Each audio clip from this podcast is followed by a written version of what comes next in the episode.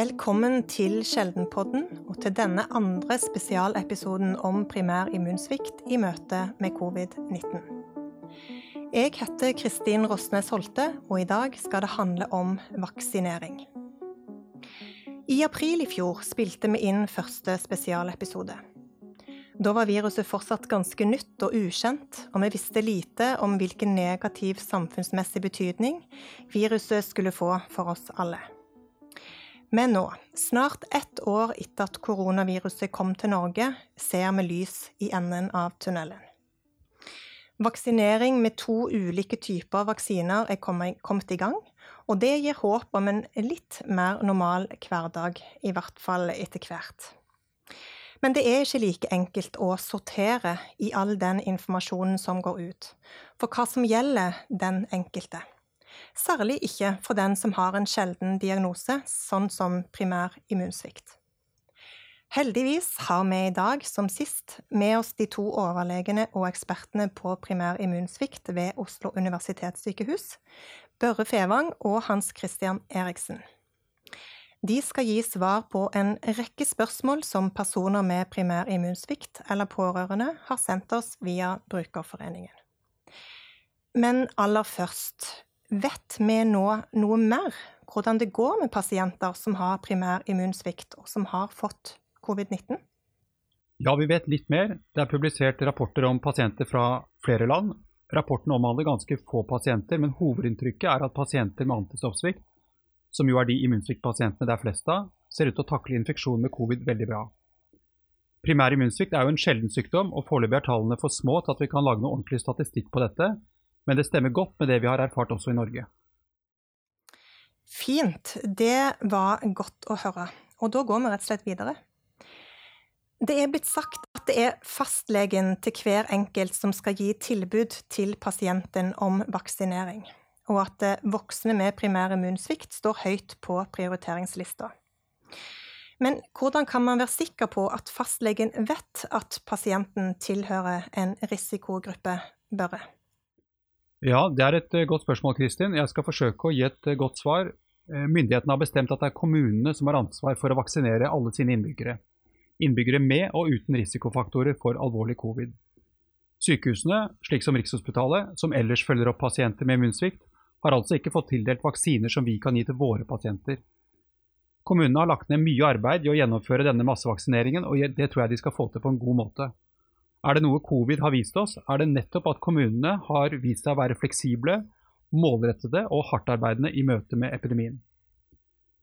Kommunene vil prioritere vaksineringen etter retningslinjene fra myndighetene.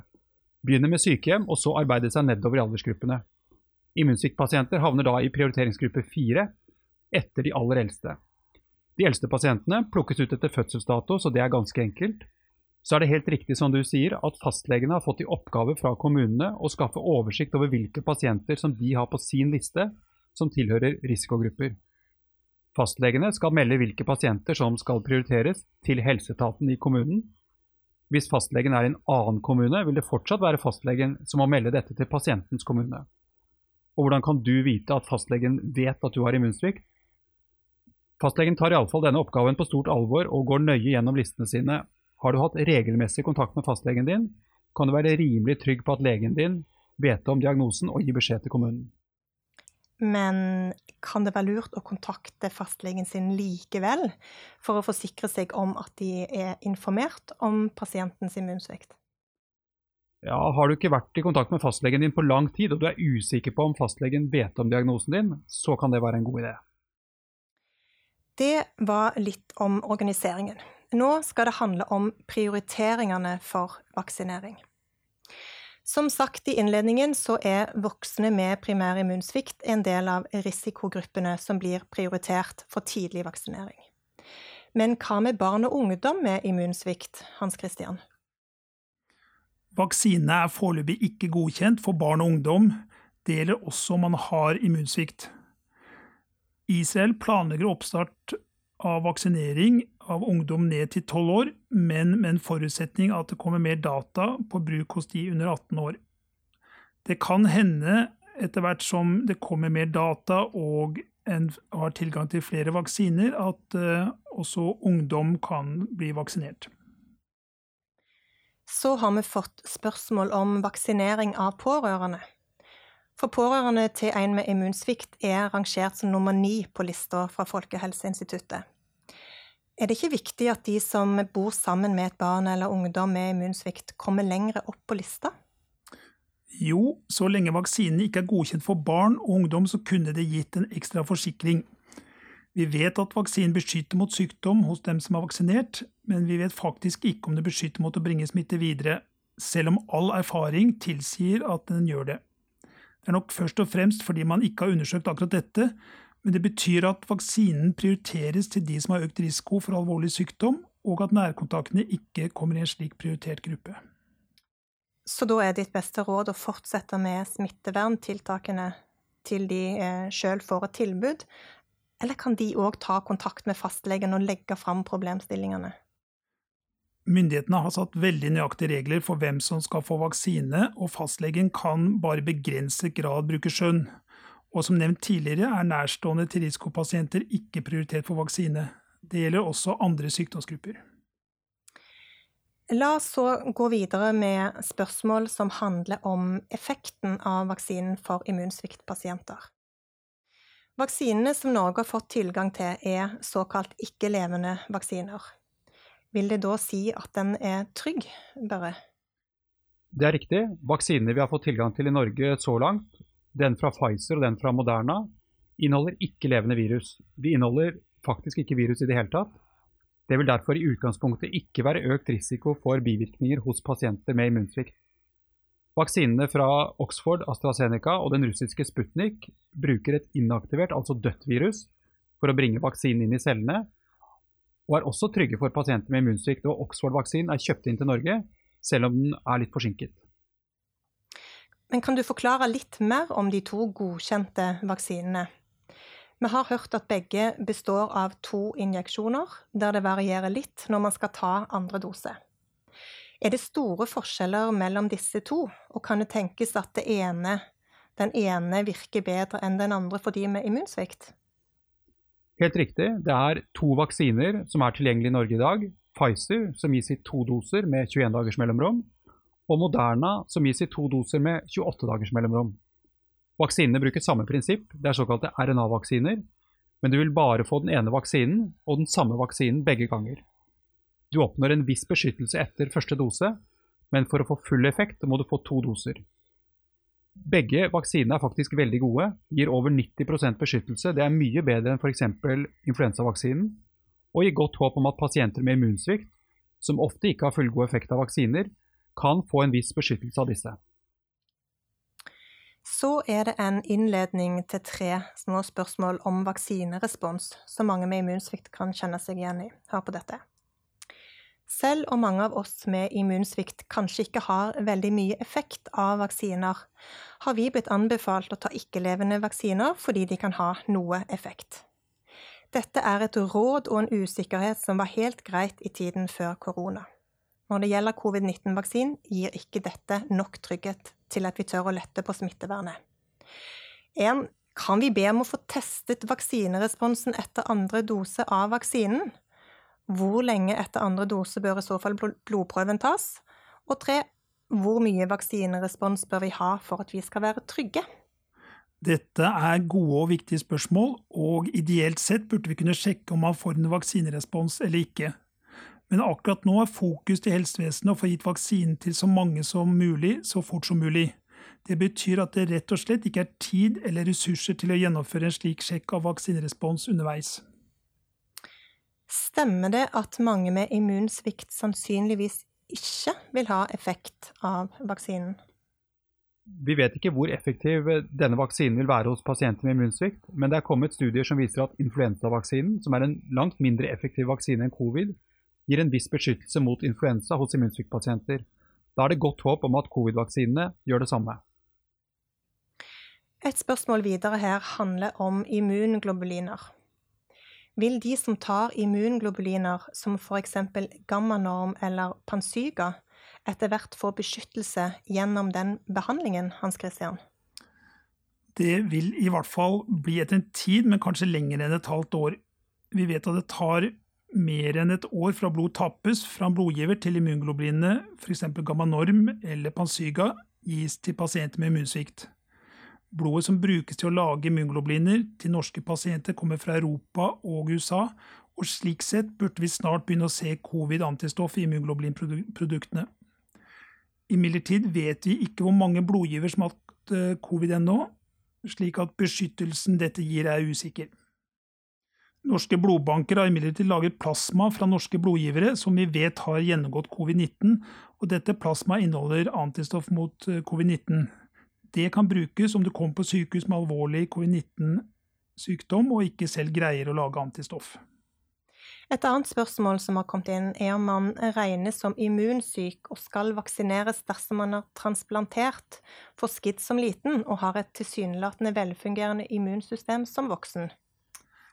Det er et eh, godt spørsmål. Risikoen for alvorlig forløp av covid-19 hos en som er vellykket transplantert, tror jeg er veldig liten. Men noe av nøkkelen til å gjøre vaksinering raskt, er å ikke gjøre dette for komplisert. Pasienter med immunsvikt som er transplantert, øh, vil vi derfor anbefale at de får vaksine på linje med de som har en kjent immunsvikt. Har koronavaksinen eh, noen effekt når man har veldig lav IGG og ikke målbare IGA og IGM?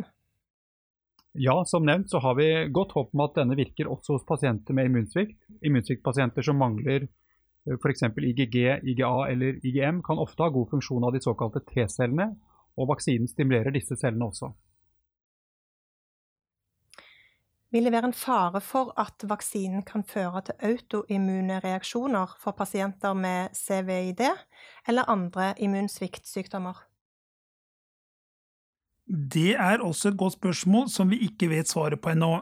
Eh, vi tror ikke en har større risiko for autoimmune reaksjoner på vaksinen mot covid enn andre vaksiner. Er covid-19 for de som tar QV så farlig at de må være helt isolert? Det er også et spørsmål vi har fått. Faren for alvorlig forløp av covid er først og fremst knyttet til høy alder, deretter overvekt og kronisk lungesykdom. Har du en godt behandlet immunsvikt, virker det som risikoen for alvorlig forløp av covid-19 er lav, og generelt så er dødeligheten av covid-19 i Norge lavere enn i veldig mange andre land. Det er sikkert mange ting som bidrar til det, men det betyr uansett at covid går bra hos de aller fleste, også de med immunsvikt. Det har jo blitt nevnt at det er flere vaksiner som står i kø for å bli godkjent. Vi har fått spørsmål om eh, de med immunsvikt kan ta alle disse når og hvis de blir klare. Og snakkes det noe om at enkelte av vaksinene som ventes, kan tenkes å ha bedre virkning hos pasienter med immunsvikt? Godt spørsmål, det vet vi ikke. Pfizer og Moderna ser ut til å være de mest effektive vaksinene til nå, så jeg tror jeg ville satset på dem. Men etter vaksinering skal vi snakke litt om da. Hva da?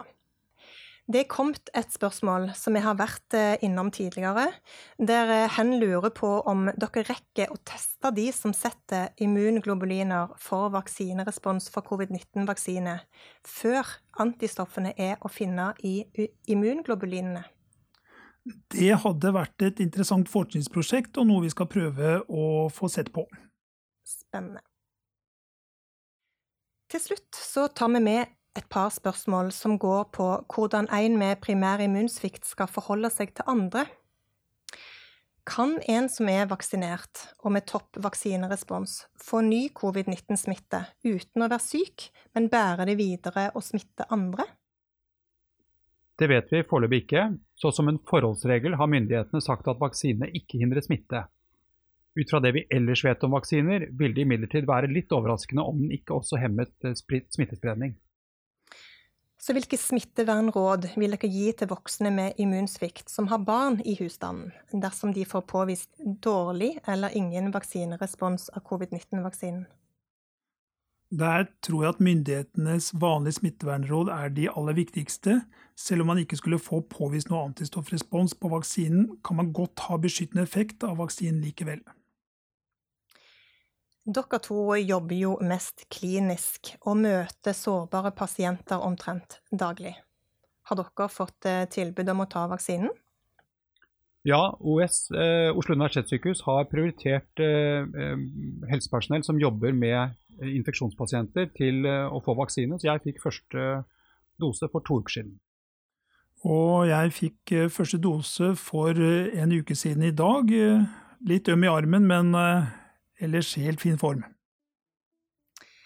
Ja, da har vi faktisk stilt det siste spørsmålet, og vi har kommet til veis ende. Og for at du ikke skal være i tvil, du har nå hørt på Sjeldenpodden og andre spesialepisoder om primær immunsvikt og vaksine mot covid-19. Tusen takk til ekspertene våre Børre Fevang og Hans Christian Eriksen. Tusen takk til alle som har sendt inn spørsmål og for godt samarbeid med Norsk immunsviktforening. Mer informasjon om primær immunsvikt finner du på sjeldnediagnoser.no. Produsent og programleder var ved meg, Kristin Rosnes Holte. Ansvarlig for podkasten er Olve Mollestad. Utover vinteren og våren vil det dukke opp flere episoder fra Sjeldenpodden, som er en podkast fra Avdeling for sjeldne diagnoser her ved Oslo universitetssykehus. Du vil bl.a. få høre fire episoder om hvordan det er å leve som ung med en sjelden diagnose. Og du vil også få høre hvor utfordrende det kan være å stille en sjelden diagnose, deriblant primær immunsvikt. Jeg håper vi høres.